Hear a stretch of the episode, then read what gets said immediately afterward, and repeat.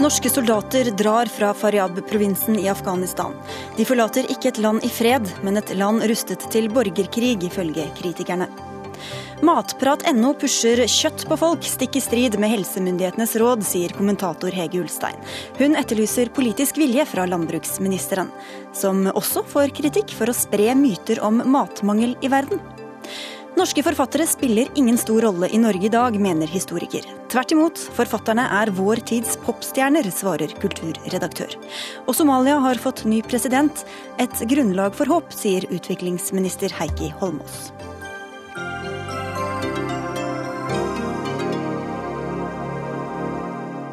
Dette er noen av sakene den neste timen her i Dagsnytt 18 på NRK2 og P2. Jeg heter Sigrid Solund. I disse dager pakker de norske soldatene sammen for å overlate leiren i til eh, forlate leiren i Maimane i Afghanistan. Etter sju år med ansvar for sikkerheten i provinsen skal eh, afghanske styrker overta. Spørsmålet nå er hvordan det kommer til å gå. Og hva tror du er svaret på det, utenriksminister Jonas Gahr Støre? Dette er jo en enighet mellom Norge og Afghanistan, eh, grundig gjennomsnakket. Og mellom Afghanistan og det internasjonale samfunn. Innen utgangen av 2014 skal dette skje. Og i Faryab kan det skje tidligere, fordi at der er vi kommet eh, lengre. Eh, vi etterlater ikke et eh, europeisk A4-samfunn, men vi etterlater et samfunn som nå bør kunne klare seg selv, som har lokale styresmakter på plass, og som har sikkerhetsstyrker, afghanske trenende, på plass. Og da er det, kan man stille motspørsmålet, ett år til med norske styrker, eller to eller fem. Jeg tror jeg ikke ville gjort stor forskjell på det som er av utfordring i den provinsen, og da er det riktig at de forlater der, etter å ha gjort en, etter min mening, veldig formidabel jobb. Vi skal komme tilbake til det, men eh, utenrikskommentator Gro Holm her i NRK, du har altså vært i den norske leiren i Maimane i dag. Hva skjer der nå i disse dager? Jeg har vært der i flere dager, og de pakker eh, Det kuttes piggtråd, det kjøres konteinere, internett er fjernet fra alt annet enn det administrative personellet der.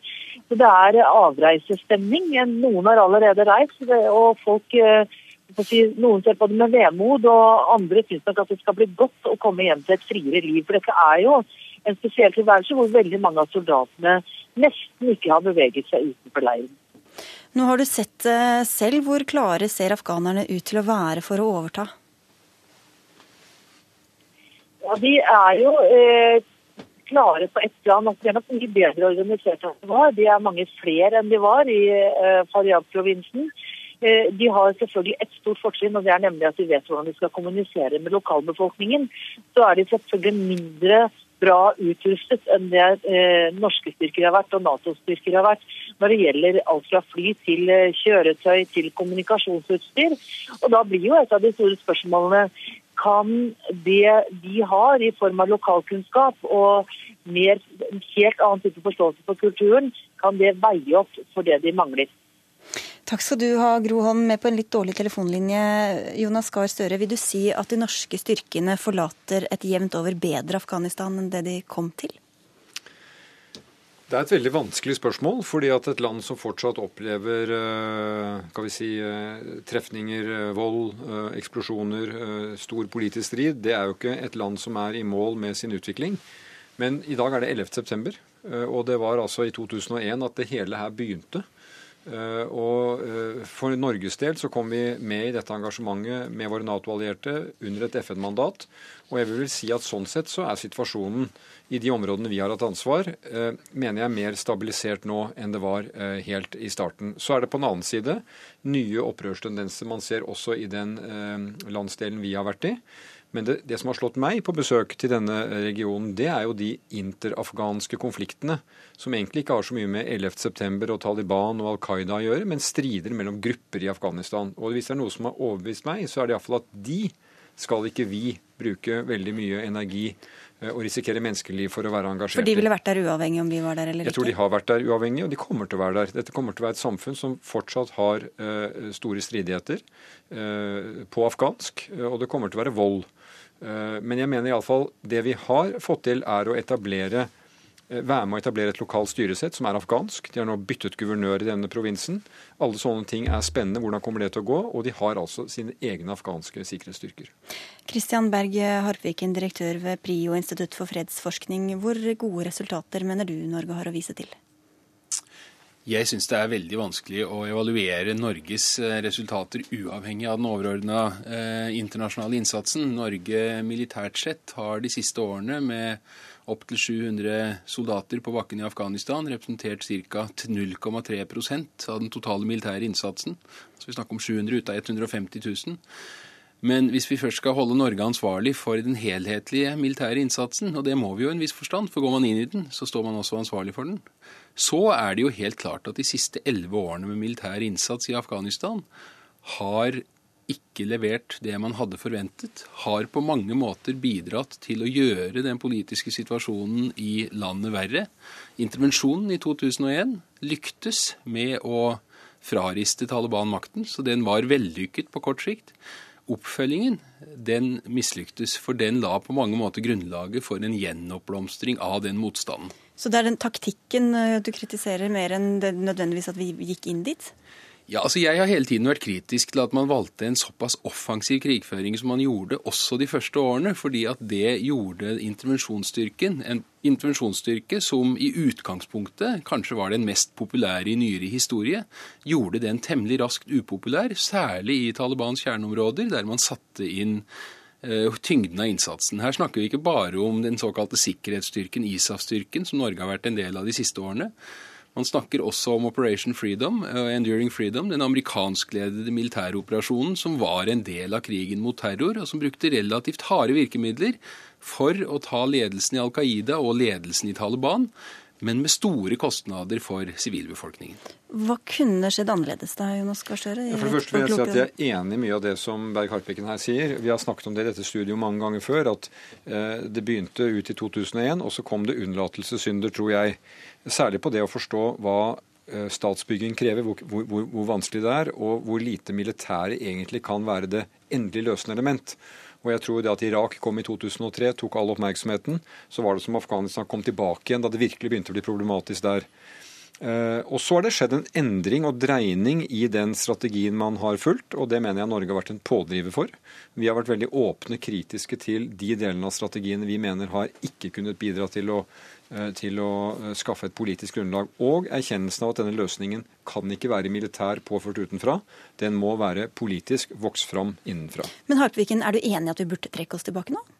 Jeg ser ingen alternativ til å trekke seg tilbake nå. Jeg mener jo egentlig at man burde trekke seg tilbake i 2003-2004.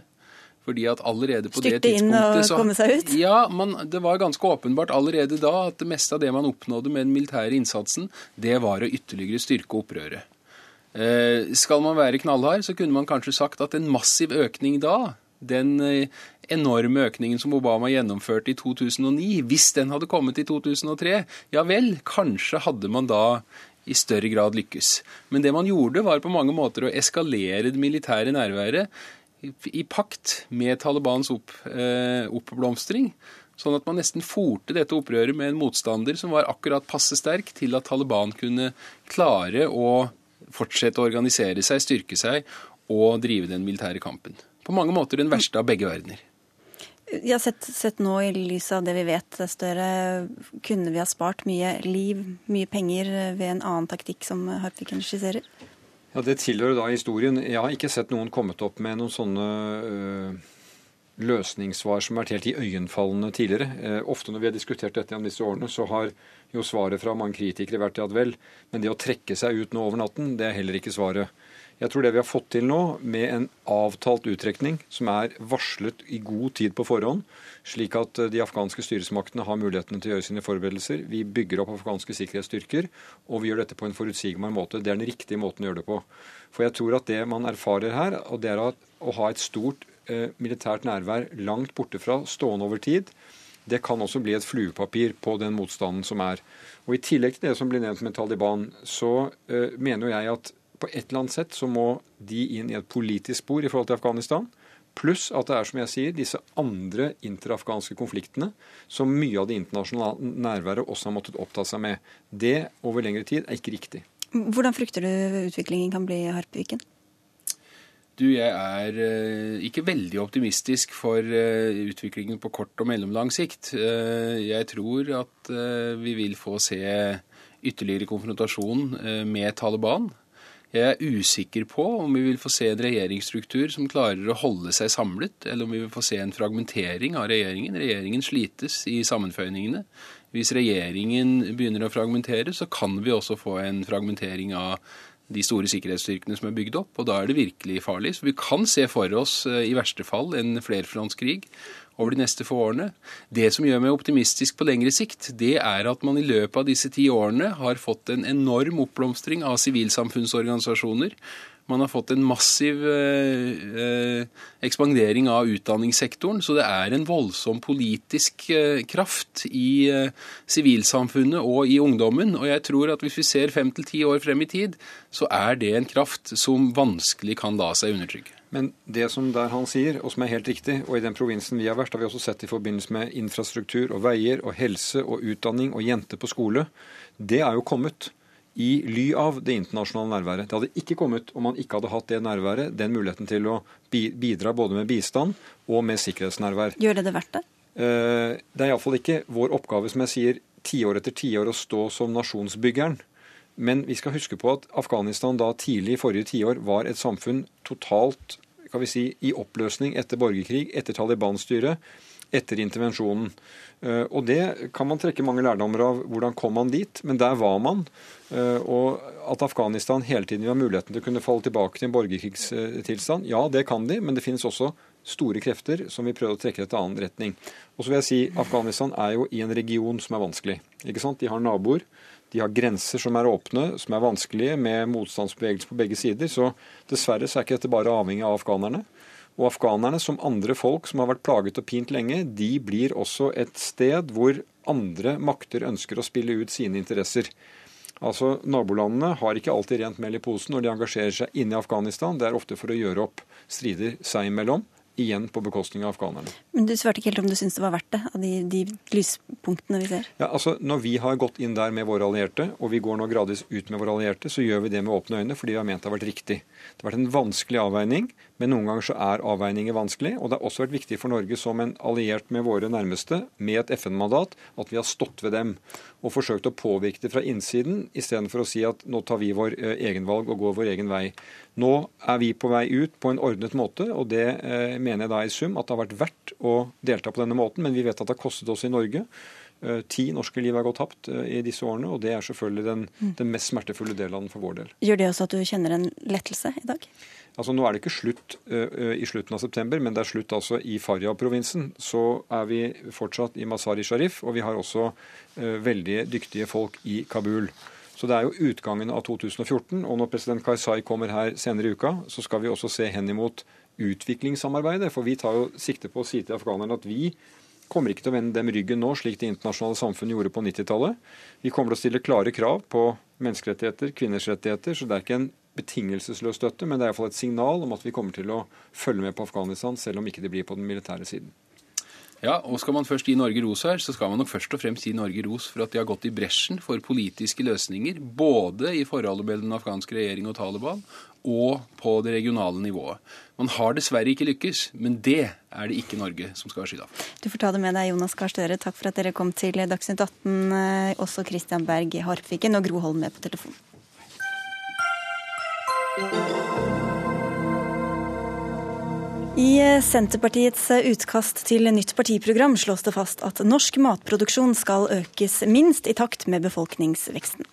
Partiet vil også at vi skal bli mer selvforsynte med fôr og mat. Men dette faller ikke i god jord hos deg, Arild Hermstad, framtiden i våre hender, leder. Hvorfor ikke? Vi mener at vi, det er på høy tid å få en bedre visjon for norsk landbruk enn at vi skal produsere mer og mer mat. Vi trenger eh, heller en visjon hvor vi skal produsere mat på en miljøvennlig måte, og hvor vi også skal ha en landbrukspolitikk som åpner for eh, fattige land sine jordbruksprodukter. I dag så stenger vi de ute for å ivareta egne næringsinteresser. Og det er helt unødvendig. Vi kan ha et eh, flott jordbruk i Norge samtidig som vi møter interessene til fattige land. Du sier også at dette strider mot FNs anbefalinger. Hvordan da? Eh, FN mener at eh, landbruksproduksjonen i verden eh, sannsynligvis må øke noe, men det må skje i fattige land. Fattige land har store muligheter til å eksportere mer mat. De har et enormt behov for å skape mer arbeidsplasser. Og investeringer i, i, fattige land har altså fire ganger så god utviklingseffekt som investeringer i noen annen sektor. Men i dag så har Norge og alle rike land et regime som gjør at de klarer ikke å få opp eksporten sin til rike land. Trygve Slagsvold Vedum, landbruks- og matminister og leder av programkomiteen til Senterpartiet. Hvordan henger det dere har kommet fram til sammen med anbefalingene fra FN?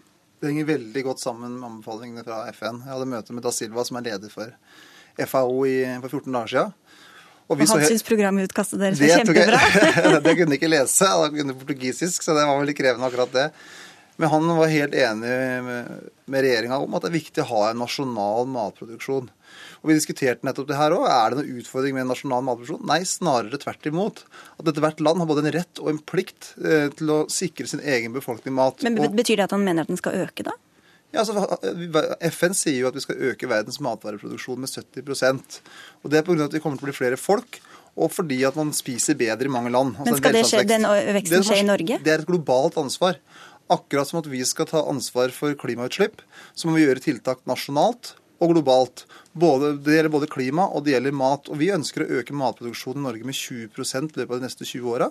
I tillegg så ønsker vi å, å styrke landbruksbistanden, for det er store utfordringer med landbruk i mange land nå pga. klimaendringer. Så vi må gjøre begge deler. Vi må øke den nasjonale produksjonen.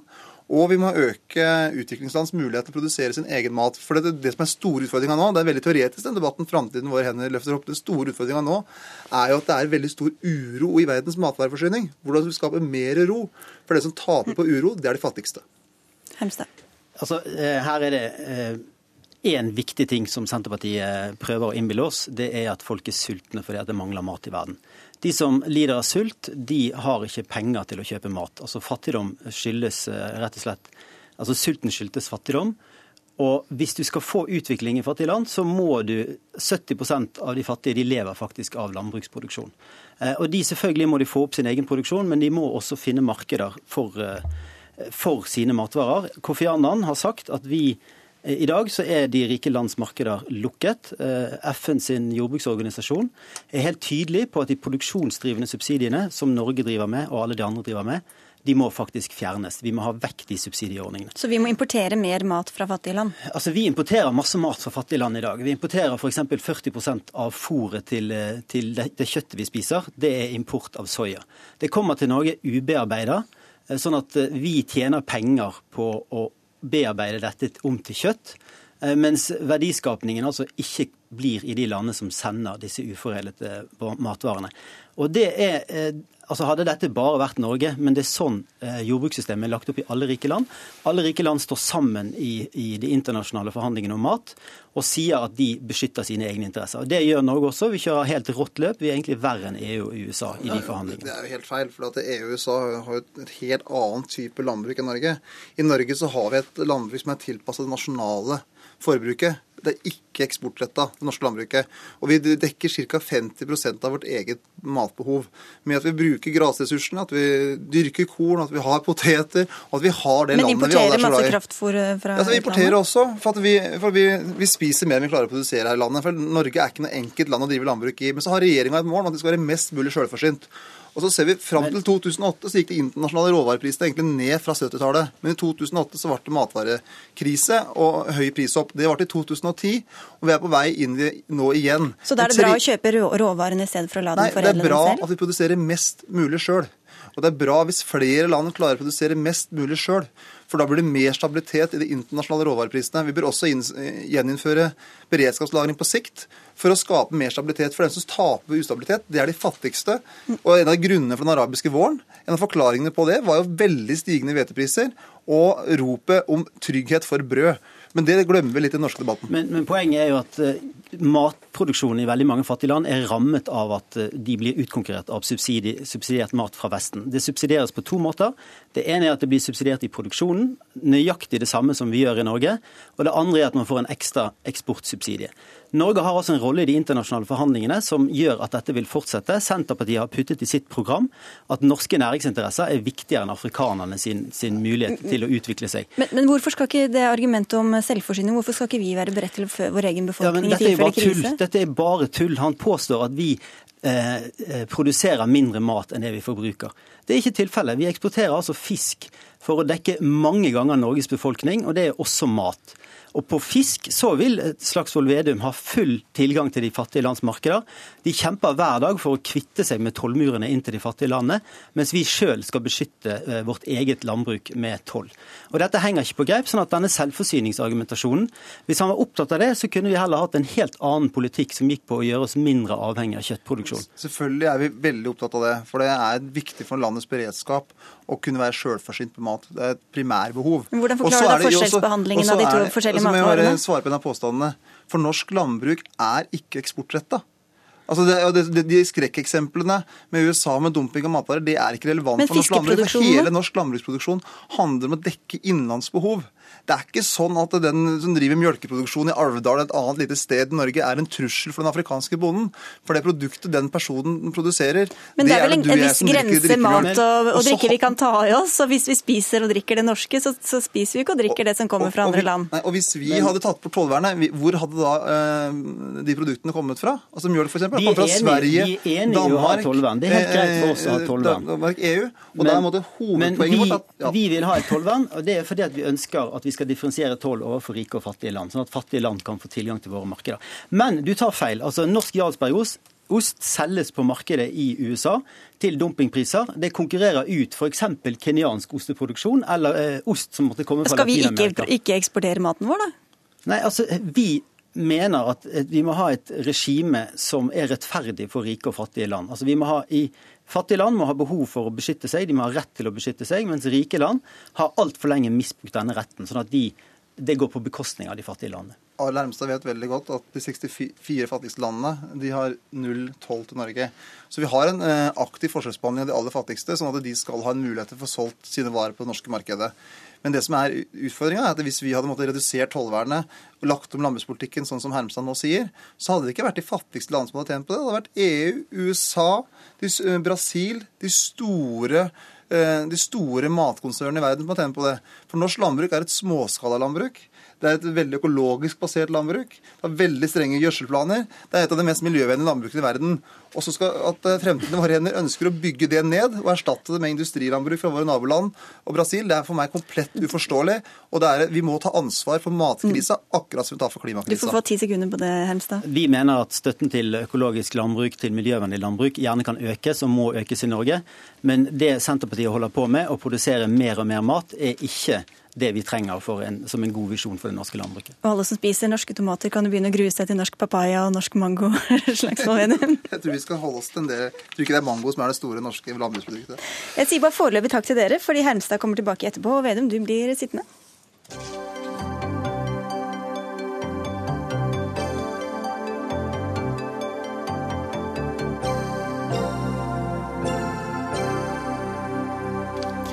For vi fortsetter med matprat, bokstavelig talt. Det er usunt å spise for mye kjøtt. Det er meldingen fra norske helsemyndigheter. Men det rådet gjenspeiles ikke av innholdet på matprat.no, drevet av Opplysningskontoret for egg og kjøtt. Hege Ulstein, kommentator i eh, Dagsavisen. Du besøkte denne nettsiden i forbindelse med en bok som du og mannen din har skrevet om kjøttfrie dager. Hva mener du er hovedbudskapet på denne nettsiden?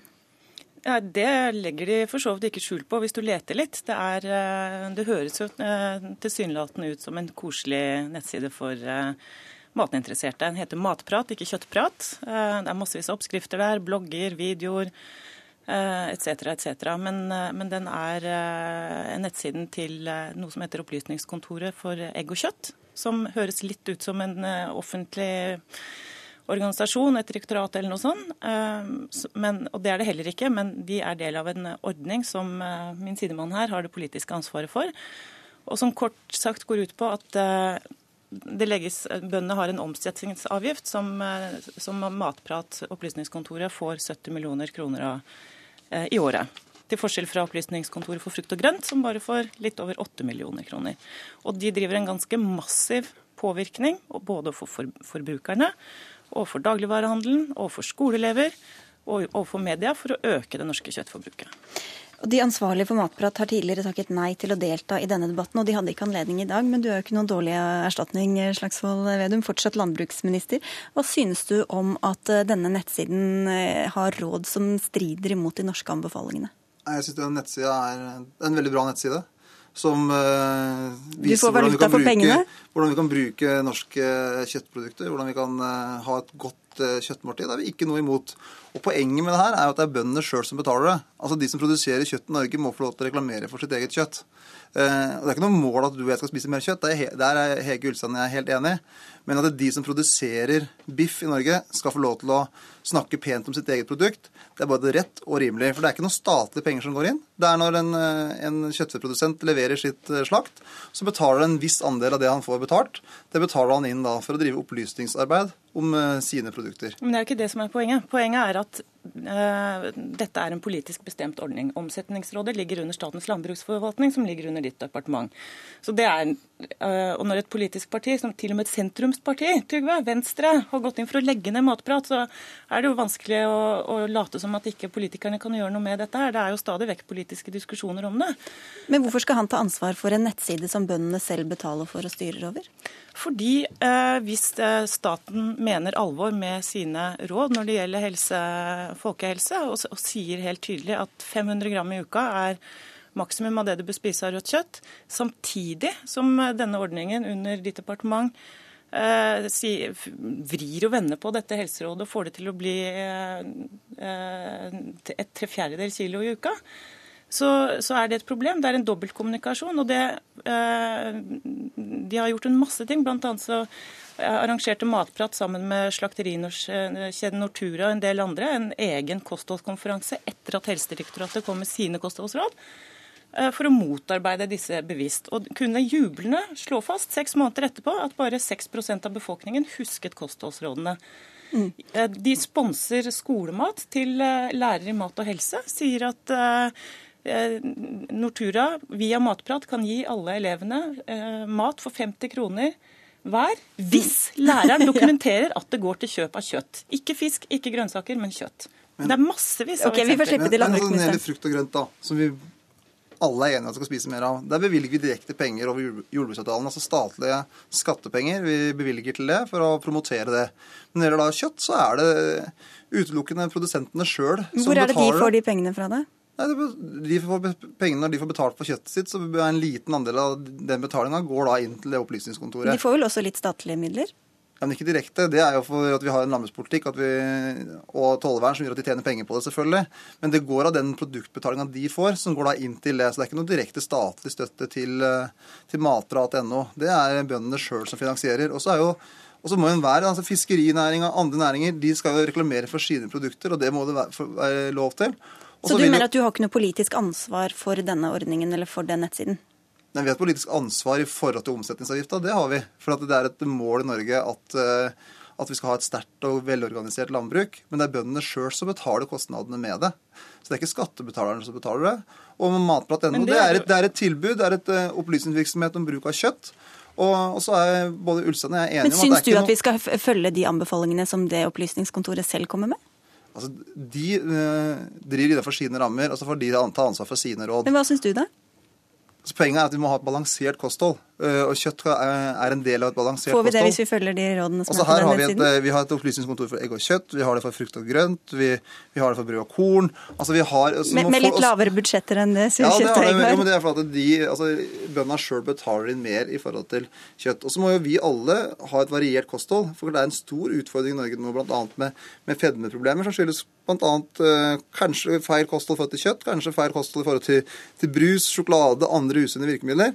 Så vi må jo hele tida jobbe for et balansert kosthold, men at ulike produsenter av f.eks. kjøtt ønsker å vise fram hvilket unikt og godt produkt de har, det syns jeg det er vanskelig å kritisere en kjøttprodusent for. Det er ikke så rart det, Gullstein, at de vil vise fram sine produkter. Nei, men da kunne de jo kalt seg kjøttprat. Det, litt av problemet er at de kaller seg matprat. og et, En annen del av problemet er at de får altså 70 millioner kroner i året via, via, dette systemet. Mens de som snakker om det helsemyndighetene vil at vi skal spise mer av, de får bare 8 millioner kroner i året. Og så I tillegg så har kjøttprisen økt med 2% de siste 20 årene. Prisen på frukt, grønt, fisk har økt fra alt fra 30 til godt over 50 mm. Så dette er dette er et strukturelt problem, og det er fullt mulig å gjøre noe med det. Du kan, du kan kutte moms på frukt og grønnsaker, du kan legge en CO2-avgift på kjøtt. Altså, kjøtt er, fører til massive CO2-utslipp, det er ikke bra for folkehelsa. Eh, det høye konsumet vi har, er ikke bra for dyrevelferden. Ingenting av, disse, av dette vil Matprat snakke om. De vil bare snakke om dyra etter at de er døde og har blitt til kjøtt. Norsk kjøttproduksjon ha... er kjempeflott. For det er to, to tredjedeler av norsk landbruksareal det er grasareal. Og skal vi få mat ut av mye av norsk landbruk, så må det gå gjennom en ku eller en sau eller en annen i en debatt og hørt at 40 av det 40% av det kraftfôret disse dyra spiser, kommer fra Brasil. Ja, nå la meg snakke ferdig. For to tredjedeler av Norge er grasareal. Og skal vi få brukt det arealet, så er det til produksjon av kjøtt. Eh, og skal vi ha det landet vi har, der vi har åpne landskap, Eh, rundt omkring i hele Norge, har slakterier rundt omkring i hele Norge, der vi skaper verdier rundt i hele landet, så må vi bruke grasarealene. For det er nesten bare rundt Oslofjorden, okay, Den debatten har vi på en måte allerede halvveis tatt, og der er dere helt uenige. Men helt avslutningsvis Ja, Men det er ikke sant det han sier. Det er Nei. det er sant, det er bare å sjekke statistikken. Hva spiser disse dyrene bare gress? Spiser de ikke kraftfôr? Gras og kraftfôr. Ja, Hvor kommer det kraftfôret fra, da? Hoveddelen kommer fra norsk kornproduksjon. 60% og 40% kommer fra Det er gras som er hovedingrediensen til veldig mye av norsk kjøttproduksjon. Og vi, øh, og, og vi har da også mye produksjon av fôrkorn i Norge, bygg, havre og andre produkter. Men helt til slutt her, hvorfor gjør dere ikke, hvis dere mener alvor med det at vi skal spise mer frukt og grønt, hvorfor kommer dere ikke mer penger inn i den retningen og mindre penger inn i den andre retningen? For det her er finansiert sjøl av de kjøttprodusentene. Og det blir noen og 70 millioner. Og så bruker vi direkte penger over statsbudsjettet til Opplysningskontoret for frukt og grønt. Jeg tror ikke dere blir enige, men takk for at dere kom hit til Dagsnytt 18, Hegge Ulstein fra Dagsavisen og Trygve Slagsvold Vedum, landbruksminister.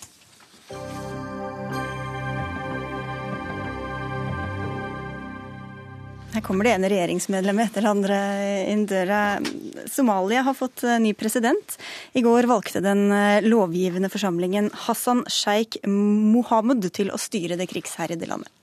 FN kaller presidentvalget historisk fordi det er første gang på mange år at det har vært mulig å avholde et sånt valg på somalisk jord. Hva kan dette få å si for Somalia, tror du, utviklingsminister Heikki Holmås? Nei, altså Jeg er optimistisk. Jeg mener det er grunnlag for optimisme etter det valget som har vært nå. For nå har du hatt en overgangsregjering som har sittet. Eh, og som er blitt avløst av et, eh, en grunnlovsgivende forsamling som har laget grunnlov for Somalia, eh, med en god del positive ting, sett fra våre øyne. Det kom på plass et parlament som er, er utpekt av de forskjellige klanene som, som, er i Somalia. Men du har fått et valg, jeg vil si et overraskende valg, på, på både en ny speaker of the house, altså en, en parlamentspresident, som er, er trønder, og som Jawari heter han, og som har bodd i en tiårsperiode i, i Trøndelag. Du har fått en, eh, nå en, en, ny president som danket ut med ganske klar margin, altså to tredjedels flertall, den sittende presidenten Sheikh Sharif, som hadde, eh, som hadde grove eh, korrupsjonsanklager mot seg. Så jeg, Du har rett og slett valgt to akademikere som begge to har erfaring fra megling, og jobbet med megling, jobbet med å bygge sivilsamfunn og, og jobbet med å bygge fred, til å lede Somalia. og Det mener jeg gir grunnlag for optimisme. Men altså, Du har jo nettopp vært, om ikke i Somalia, så i hvert fall på samme kontinent, i eh, Etiopia. Møtte sentrale politikere fra Somalia der. Hva slags inntrykk får du av hvor god støtte han har grunn, altså, blant befolkningen i Somalia? Altså, eh, Det er vanskelig å, vanskelig å liksom si det så lenge du ikke har hatt et valg. Men det er ingen tvil om at han er den absolutt mest legitime eh, representanten for det somaliske folket som du har hatt de siste 20 årene. Altså, Det er 20 år siden du har hatt et eh, valg på president i Somalia på somalisk grunn. Og siden den gangen har du hatt borgerkrig. Flere hundre tusen mennesker som har flyktet over grensen til Kenya, til de andre nabolandene. Somalia har vært et av de landene det har kommet mest flyktninger til til Norge, bl.a. Og, og, og det har vært uroligheter på hornet hele tiden. Og vi har stilt opp med nødhjelp over en lang periode både til krigsflyktninger, men også til flyktninger som har flyktet pga. sult.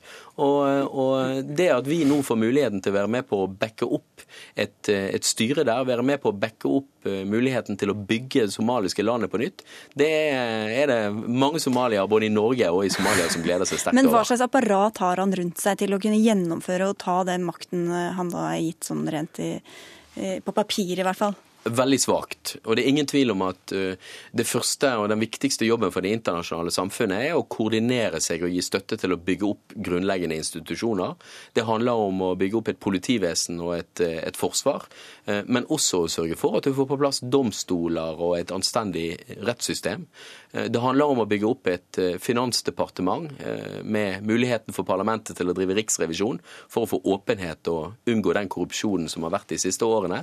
Så dette blir den viktigste oppgaven, sammen med det den nye presidenten sjøl sier er det viktigste, nemlig å skaffe mat på bordet til den jevne somalier, skolegang for den jevne ungdom eh, og helsestell for alle de folkene som krever det. Og det må vi bygge på lokalt, sammen med hjelpeorganisasjoner og FN. Men vi kjenner jo Somalia som et eh, kaotisk land drevet av krigsherrer og lokale, altså regionale ledere. Mm. Så lenge han ikke har noe militær, ikke har noe politi, ikke har noe offentlig sektor, slags, hvilken rolle spiller det at man har fått en ny eh, leder av landet? Det spiller en veldig stor rolle at du har fått en legitim leder i, med, med, støtte, med brei støtte i, i Somalia. Og Eh, fordi at du har eh, AU, altså Den afrikanske unionen, har styrker nå inne. Du har eh, stabilitet i de nordligste delene av Somalia, Somaliland og Puntland, og enkelte andre områder der du har hatt lokal milits og lokalt selvstyre. I, I, Somaliland har du sågar et eget parlament. Så der har du, har du, fred, har du hatt fred og, og, rimelig stabilitet over en, en god del tid. Så, så vitsen her nå er jo at du har et legitimt styre det internasjonale samfunnet kan være med å, å bygge det opp. Og så har du én styrke til for Somalia.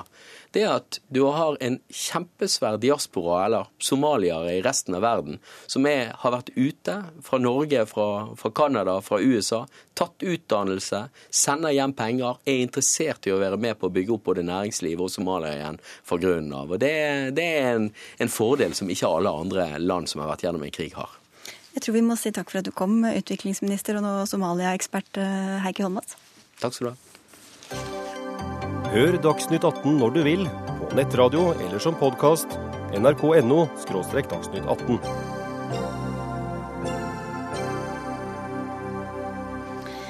Norsk industri fikk grunn til å glede seg i dag, for nå etablerer regjeringen et eh, CO2-kompensasjonsordning for industrien. En halv milliard eh, subsidiekroner i året skal hindre utflagging til land med en mindre aktiv klimapolitikk. Hvordan skal dette fungere, næringsminister Trond Giske? Det fungerer på den måten at eh, det regnes ut hvor mye ekstra industrien må betale for strømmen pga. CO2-kvotene. Eh, og så får man refundert det innenfor gitte sektorer. Det er 15 industrisektorer da, som er spesielt kraftintensiv, som blir eh, ramma av dette. Og Det er grunn til å understreke at dette dreier seg ikke om denne industriens CO2-utslipp. Det dreier seg om virkninga CO2-kvotene har på strømprisen av helt ren vannkraft. Eh, for det er et utslag av CO2-systemet i Europa som kanskje var utilsikta, og som i hvert fall rammer norsk industri. Ja, Hva er bakgrunnen da du nevner kvoter og EU? Hva er bakgrunnen for at vi også innfører dette nå? Ja, Bakgrunnen er jo at EU har laga et system som skal sikre at i den perioden når Europa setter pris på CO2-utslipp og resten av verden ikke gjør det, så skal vi unngå at industrien vår flagger ut. For hvis eh, resultatet av at vi går foran, er at eh, den kraftkrevende industrien flytter til Midtøsten eller til Sørøst-Asia eller til USA, hvor man ikke har den type prising, da skader vi miljøet, for da blir jo utslippene større. Eh, og vi rammer også norsk industri. Eh, det er faktisk sånn at eh, det vil jo bli mindre attraktivt for de andre landene som ikke deltar i disse internasjonale klimaavtalene, å delta hvis de har stor fordel av det industrielt. Så vi utjevner den forskjellen. Vi gir norsk industri like konkurransevilkår med de land som ikke deltar i klimaavtalene. Det var mye ros fra mange kanter i dag, men midt oppi jubelen var dere lunkne, Arild Hermstad, fremtiden i våre hender. Hvorfor det? Vi mener dette er prinsipielt feil vei å gå. Vi syns at regjeringen de støtter forurenseren skal betale-prinsippet, eh, og det bør også gjelde for industrien. Eh, nå, eh, denne ordningen skal skattebetalerne betale. I tillegg så har skattebetalerne fått en ekstraregning i form av grønne sertifikater. Der slipper også industrien unna. Og vi vil at industrien i Norge også skal ta disse kostnadene. Vi tror ikke at det blir veldig mye som blir kompensert her, fordi kvotesystemet i EU er på et sånt eh, nivå nå at eh, prisen er veldig lav. Eh, vi, en del av vitsen med dette systemet er at når du produserer skitten strøm i Europa, så skal det bli dyrere. Eh, det skal da stenges ned og erstattes av fornybar energi. Norge er en del av dette markedet. Norsk vannkraft er en del av dette markedet. Og dermed er ikke norsk industri renere enn det det nordeuropeiske strømmiksen er til enhver tid. Sånn at Hvis vi sparer strøm i Norge, så kan vi faktisk bidra til å stenge ned kullkraftverk i Norge. Med denne ordningen så er sjansen for det at industrien gjør de rette tiltakene, den minker. Altså vi, vi, de får ikke det insentivet som de bør ha til å spare på strømmen. Så, så, mens EU subsidierer på sett og vis sin industri, så skal vi begynne å spare på strømmen, er det svaret? Altså, poenget er at Norge kommer til å ligge foran alle andre europeiske land med å bruke penger på dette. For det er ingen andre europeiske land som har råd til å kompensere eh, verken industrien sin eller forbrukerne sine pga. en økende klimapris. Så vi må jo spørre eh, hvor lenge skal vi egentlig subsidiere eh, de kostnadene som industrien får pga. at vi skal løse klimaproblemet? Vi kan ikke holde på med det veldig lenge. Heldigvis kan du svare. Ja, Vi skal ikke subsidiere, vi skal bare gi norsk industri og europeisk industri den samme muligheten til å konkurrere med aluminiumsverk eller ferrolegeringsverk eller Men det er jo subsidier så lenge staten spytter inn penger for å ja, ta en del av regninga? Du kan si at vi gir med den ene handa og tar med den andre. Altså, Vi har laga et CO2-kvotesystem i Europa som gjør at strømprisen blir dyrere enn den ellers ville blitt. Det er det bare vi som gjør. Det gjør de ikke i Midtøsten, det gjør de ikke i Kina, det gjør de ikke i USA. Og så sier vi at akkurat for den industrien som konkurrerer med industri i hele verden, så må vi gi de pengene tilbake, slik at det går i null, slik at de har samme konkurransesituasjon. Men det er jo ikke industriens egen forurensning som vi da støtter opp om. Vi sier at fordi disse CO2-kvotene påvirker strømprisen som industrien betaler, så må de bli kompensert av det. Men du bidrar, bedre, bidrar jo til bedre økonomi for de bedriftene som også da i andre enn forurenser? Ja, Det håper vi virkelig. fordi at Målet her er jo å sikre det som er utrolig viktig gjennom finanskrisa, at disse industribedriftene rett og slett overlever. Det er klart Vi sparer utrolig mye strøm hvis alle disse nedlegger. Vi sparer mye utslipp sikkert også hvis alle disse nedlegger. Men det forsvinner også titusenvis av arbeidsplasser. Og det at vi i Norge skal ta del i resten av Europas massearbeidsløshet, det tror jeg ikke er oppskrifta for å løse miljøproblemene. Vi må få en god industripolitikk, god næringspolitikk og arbeid til alle til å gå i overensstemmelse med en god klimapolitikk. Da får vi okay. også befolkningas oppslutning om, om, om godt miljøvern. Altså, eh, for det første så slår klimameldingen fast at faren for karbonlekkasje fra norsk industri er ikke så stor som det, eh, det man Altså Du tror ikke på, på, skremsel om utflytting? Nei, Man sier mellom 10 og 30% Forskning sier at det er mulig at 10% av nedstengt industri blir erstattet av et annet, eh, et annet, sted. Men vi er ikke for å legge ned norsk industri. For så er vi vilt rasende over at vi ikke har en solcelleindustri i Norge lenger. På samme måte som elbileventyret på en måte forsvant ut av Norge. Den type industri trenger vi virkelig. Men den får vel også billigere strøm, da? Altså, Den finnes jo ikke lenger, fordi at vi ikke klarte å lage en, en, god nok politikk for å utvikle den industrien. Og jeg tror Hovedproblemet til norsk industri er, som, som for så vidt norsk industri også sier, er todeling av norsk økonomi. Eh, vi har en regjering som gir mer og mer konsesjoner til oljesektoren. Eh, investeringstakten er så høy at de suger arbeidskraften fra industrien. De presser lønningene opp i hele Norge.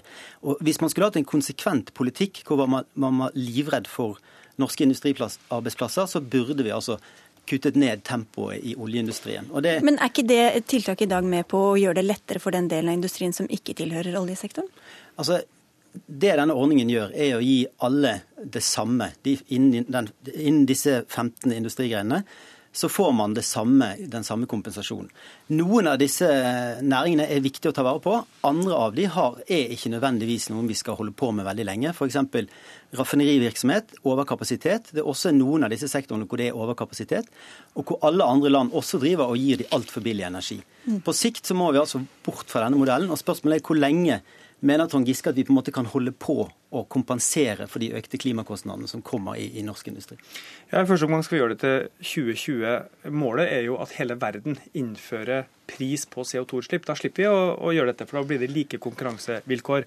Men dette er jo, helt riktig som programlederen sier, også en måte å sikre på at ikke vi blir altfor olje- og gassavhengige. For hvis den industrien som ikke er retta mot petroleumssektoren forsvinner, da blir vi veldig ensretta. Så dette er en aktiv industripolitikk. Men hvorfor kunne dere ikke differensiert, da? Gitt bedre lettelser til de eh, som omstiller seg, altså som, som viser til, til, en mer miljøvennlig, mindre jo, utslipp osv.? Bare husk at samtidig som vi gjør dette, så står alle de norske klimamålsettingene fast. Vi skal nå de målene vi har satt. Vi skal gjennomføre det store klimafondet. Målsetninger gir jo ikke noe mindre utslipp i seg selv. Men, men, men, dette skal ikke påvirke hvor mye Norge skal redusere eller hvor mye vi skal gjøre av innsats.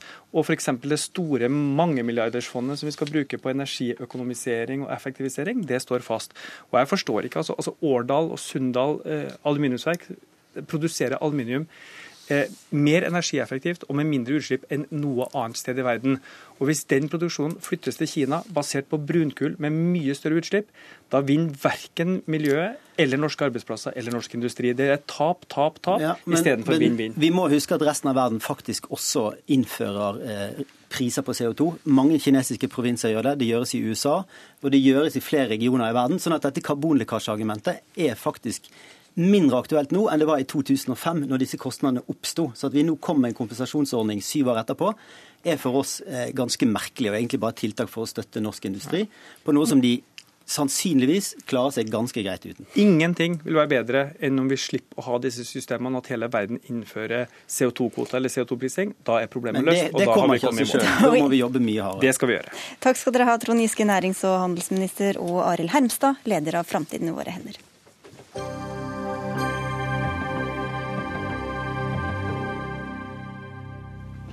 Etter at 22.07-kommisjonen eh, la fram rapporten sin, er det nå Stortingets tur til å gjøre det det kan for å finne ut hvordan det kunne gå som det gikk i fjor sommer. I dag begynte kontroll- og konstitusjonskomiteen behandlingen av redegjørelsene fra statsminister Jens Stoltenberg og justisminister Grete Farmo. Og du ble saksordfører for dette viktige oppdraget, Geir Jørgen Bekkevold fra Kristelig Folkeparti. Hva kan dere avdekke som ikke kommisjonens rapport, andre rapporter og ikke minst mange nyhetsoppslag allerede har avdekket? Det vil jo, det vil jo tiden vise. Eh, vi skal nå, som du sa, begynne dette arbeidet. Eh, stille eh, spørsmål til, til de ansvarlige. Og det er jo ingen hemmelighet at det sikkert også kommer til å bli høringer. Så får vi se hva det, hva det fører til, og om vi også kan få nye svar på spørsmål. Eh, det overordnede spørsmålet det er jo å finne ut av hvordan altså Vi vet veldig mye om hva som gikk galt, men hvordan i all verdens rike kunne det svikte så fundamentalt på flere områder?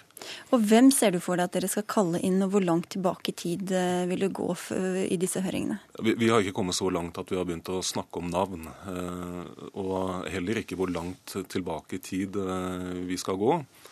Min oppgave nå blir fram mot neste møte i komiteen. og lage en skisse eh, og prøve å eh, tegne kartet i forhold til hvordan vi skal eh, jobbe med denne saken nå framover. Men det er for tidlig å, å, å, si noe om navn eller hvor langt tilbake i tid vi skal gå. Men det som er viktig, det er at vi gjør en, en ordentlig jobb her. Og vi skal også snu på den steiner. Og det betyr også at hvis det er hvis det å komme fram til et riktig svar også betyr at vi må gå langt tilbake i tid, så er jeg i hvert fall eh, åpen for det. Fordi I går debatterte vi Riksarkivarens hemmelighold av viktige forklaringer til 22. Mm. Og I dag sier kulturminister og klageinstans eh, Anniken Huitfeldt at politikerne utsagn kanskje bør bli offentliggjort. Det har vært uenighet om dørene skal være åpne eller lukkede hele, hele veien hos dere. Er det aktuelt å kalle inn disse hemmeligstemplede forklaringspersonene inn til åpne dører hos dere? Jeg vil i hvert fall si det på denne måten at um, jeg forutsetter at all den informasjonen vi trenger for å kunne komme fram til en riktig konklusjon Jeg forventer at kontrollkomiteen får det. Eh, på hvilken måte, det må vi da diskutere. Eh, men det kan i hvert fall ikke være slik at, at det holdes tilbake informasjon, viktig informasjon, i forhold til den jobben vi skal gjøre. Også den som da i dag er hemmeligstemplet av Riksarkivaren? Som sagt, hvordan vi skal eh, gå fram i forhold til det, det må vi komme tilbake igjen til. Eh, jeg er veldig opptatt av at det skal være åpenhet. Eh, denne saken fortjener det i aller høyeste grad. Og, og det er i hvert fall et positivt signal at de politiske aktørene her og deres forklaringer da blir offentlige. Jens Stoltenberg har jo på forbilledlig måte gjort det ved å gå ut i offentligheten med det han har sagt. Eh, og Det mener jeg bør være en oppfordring også til andre politikere. Ja, De har ikke fulgt den oppfordringen så langt, da? Men... Nei, men eh, jeg tror nok at det fokuset som har vært nettopp på dette, eh, gjør at man forhåpentligvis tenker seg om en gang til. Hva med toppebyråkratene, kan de måtte stille opp? Jeg ser ikke bort fra at også ledende personer i departementene vil bli innkalt til en høring.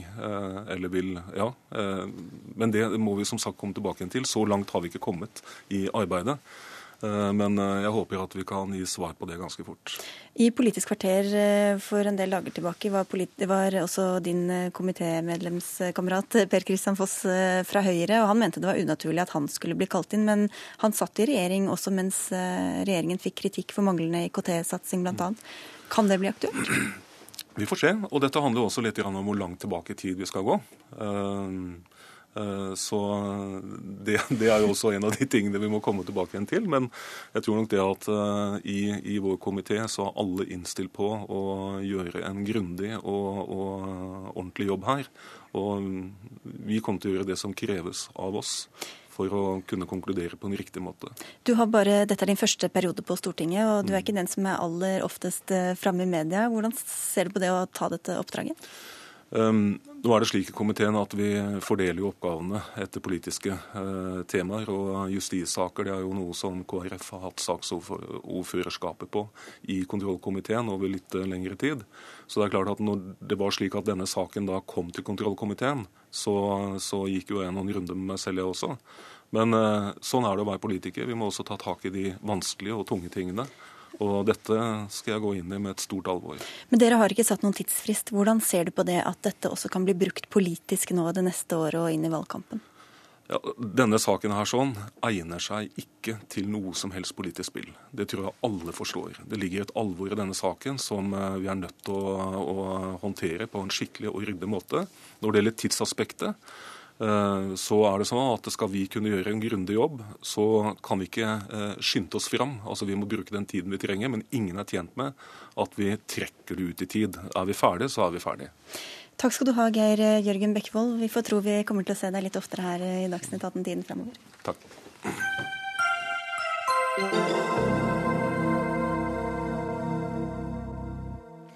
Forfattere spiller ingen vesentlig rolle i dagens samfunn. Det skrev historiker og medieprofessor Hans Fredrik Dahl i Dagbladet i helgen. Og dette må du forklare, Hans Fredrik Dahl. Ja, gjerne det.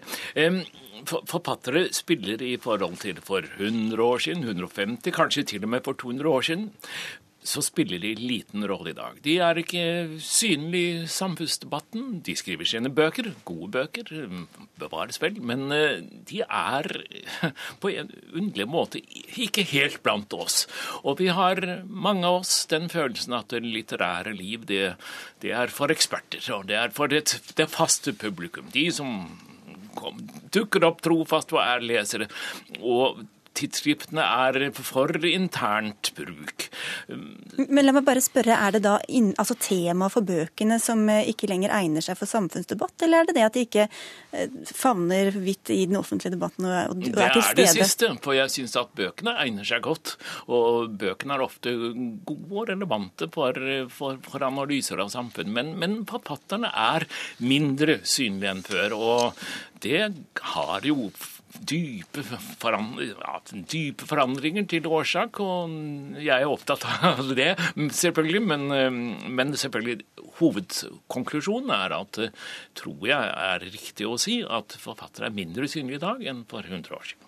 Men du er ikke enig i det, Knut Olav Åmås, kultur- og debattredaktør i Aftenposten, og det har du skrevet en kommentar om. Mm. Hva, Nei, hvor tar han feil? Eh, i, i, det meste av denne analysen. Den framstår for meg som ren fiksjon, Jeg har ganske god diktning. Eh, forfattere har aldri vært så synlige i samfunnet som nå. Eh, og altså, Vi lever i et helt annet samfunn. Det er ikke mulig å gripe så direkte inn i politikken som den gang Norge var et lite land. Det var få forfattere, få lesere, få politikere. Men bare etter 22.07 har vi jo sett hvordan mange forfattere har levert sine analyser i eh, litterær form eh, i massemediene. Og eh, selvfølgelig kan noe av det litterære livet være litt innadvendt, men det kommer tusenvis av mennesker hver kveld. Mens vi sitter her nå, så er det flere tusen mennesker rundt omkring på litterære arrangementer i Norge. Men det er vel de han mener er litt interne, da? Nei, det er ikke interne. Til, til helga kommer det 100 000 mennesker på Oslo Bokfestival. Forfattere er på en måte vår tids eh, popstjerner i Norge, på godt og vondt. Og er det noe som skal sies, så er det kanskje at litteraturen har kanskje for stor plass i samfunnet i dag, eh, på bekostning av andre kunstformer. Det er på en måte kongesjangeren i, i norsk kunst. Ja.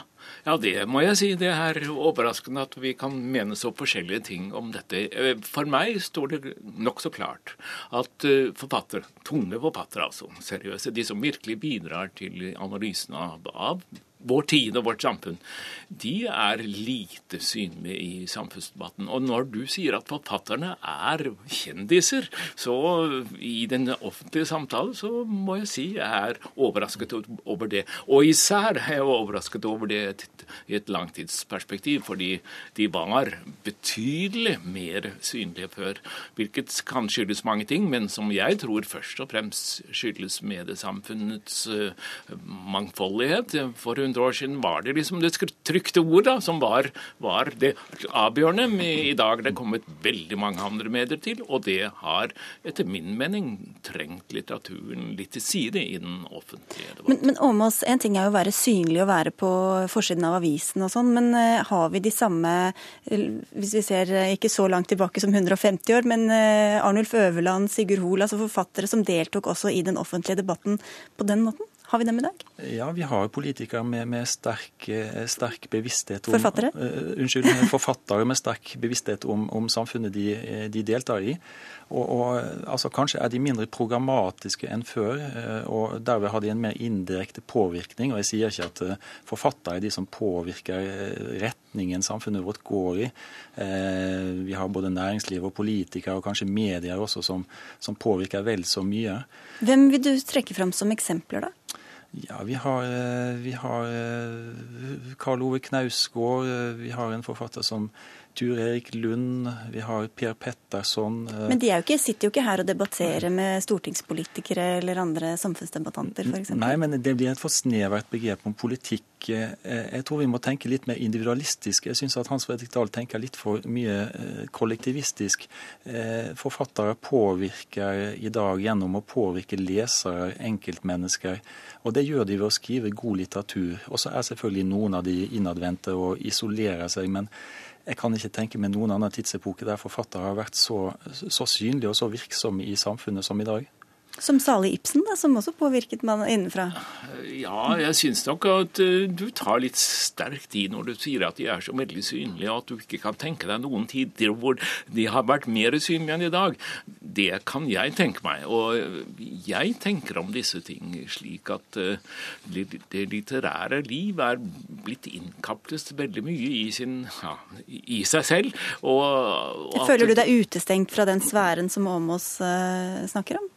Nei, jeg føler meg ikke utestengt personlig, men som leser, da, som deltaker i, og som interessert leser i, av våre aviser og lytter til radio og ser på fjernsyn og, og blog, ja, leser av bloggere osv., så, videre, så skulle jeg gjerne ønske jeg en større deltakelse av disse forfatterne, som i tillegg til å ha et samfunnssyn, det kan jo være mer eller mindre overbevisende, har en innsikt i sjelen, simpelthen. Mm -hmm. Det finnes mange forfattere i dag med god psykologisk innsikt. Hanne Østavik kommer jeg på. Anne Oterholm. Strålende, strålende skildrere av religion og samfunn, f.eks. Og, og problemstillinger med stor relevans i dag. Men jeg tror Hans Fredrik Dahl er litt for mye historiker her. Jeg tror det er viktig å, å, se at vår tid er en mindre monolittisk tid for å se hva som skjer rundt omkring, og for å se innflytelsen og påvirkningen så er det nødvendig å se at virkeligheten er blitt fragmentert. Man, altså vi, vi, har ikke én Ibsen og én Bjørnson, men vi har kanskje noen litt, litt mindre skikkelser. Det er de sikkert. Og jeg for min del er, er, glad for at vi har et syn på disse dikterne i dag som ikke innebærer at de liksom skulle ha en, en slags profetstatus som en slags sannsigere. De har en politisk dømmekraft som er verken dårligere eller bedre enn en borgere flest. Er det, det, du savner, Dahl, helt kort til slutt? Ja, jeg savner og savner. Først og fremst er jeg interessert i denne forandringen som har funnet sted, og som gjør, etter mitt syn, at, at eh, skjønnlitterære forfattere har ikke en så sterk stemme i den offentlige debatt som de hadde før. Og, og det beklager jeg for så vidt. Takk skal dere ha i hvert fall for at dere tok debatten her i Dagsnytt 18, Hans eh, Fredrik Dahl og Knut Olav Åmås. Ansvarlig for denne sendingen var Dag Dørum, Arnt Egil Nordlien og Sigrid Solund.